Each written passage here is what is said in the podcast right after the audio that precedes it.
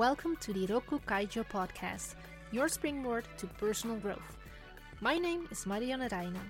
I am your host during this journey. As we have seen before, resilience is an essential and useful tool, especially when it comes to difficult situations that require a lot of energy. Is there such a thing as too much resilience or putting too much emphasis on resilience? In other words, does resilience also have negative consequences, a dark side? Resilience is sometimes compared to muscles. Effort or contraction in good times, expansion or relaxation in bad times. Long ago, there were views about how resilience can be best developed. Thus, we see that about 2000 years ago, the Roman writer Seneca wrote, Difficulties strengthen the mind as work does to the body. In this light, is there such a thing as too much of a good thing? Several studies indicate that too much resilience can have negative consequences. Which ones? 1. Clinging to unattainable goals. Of course, we support others when they aim high and dream big. Still, it is normally more effective to adjust goals to an achievable level.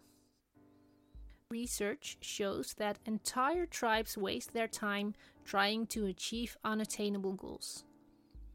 Overestimation and an unfounded amount of optimism can cause people to waste their time on this. 2. Build tolerance when it comes to adversity.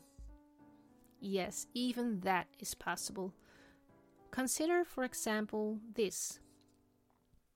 You have to deal with boring tasks and a terrible supervisor at work. Yet many people do not take steps to look for another job. It's just taken for granted. Under the banner of, oh, it's part of the job. 3. Reduced effectiveness when it comes to leadership, teams, and organizations. Especially in crisis situations, you see more or less two camps arise. One group that sits down in a kind of superhero attitude, tireless, rock hard, and cold. And then another group that sits in a completely different position, emotionally vulnerable, mentally creating walls to avoid criticism, and at the same time openly naming own mistakes in order to avoid embarrassment in public. So, there is a dark side when it comes to resilience. Resilience has to do with the same limitations as self knowledge. This affects the degree of a balanced self image, and let that be a crucial factor when it comes to the career opportunities and leadership.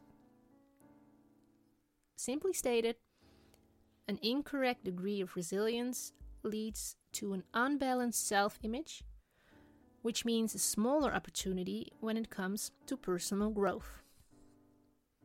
Do you want to read more about this?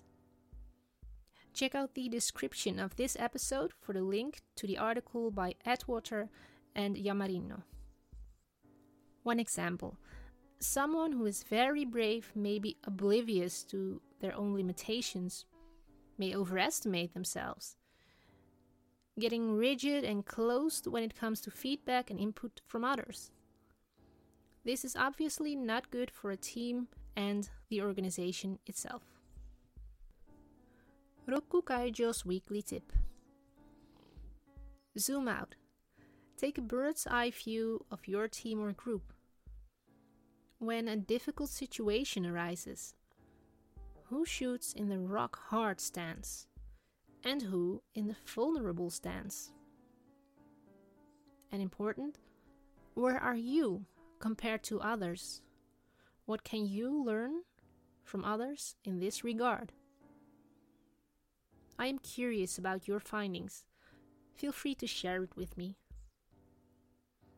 Thanks for listening to the Rokku Kaijo podcast. Tune in every Thursday for a new episode. More information and the latest news can be found on the website rokku-kaijo.com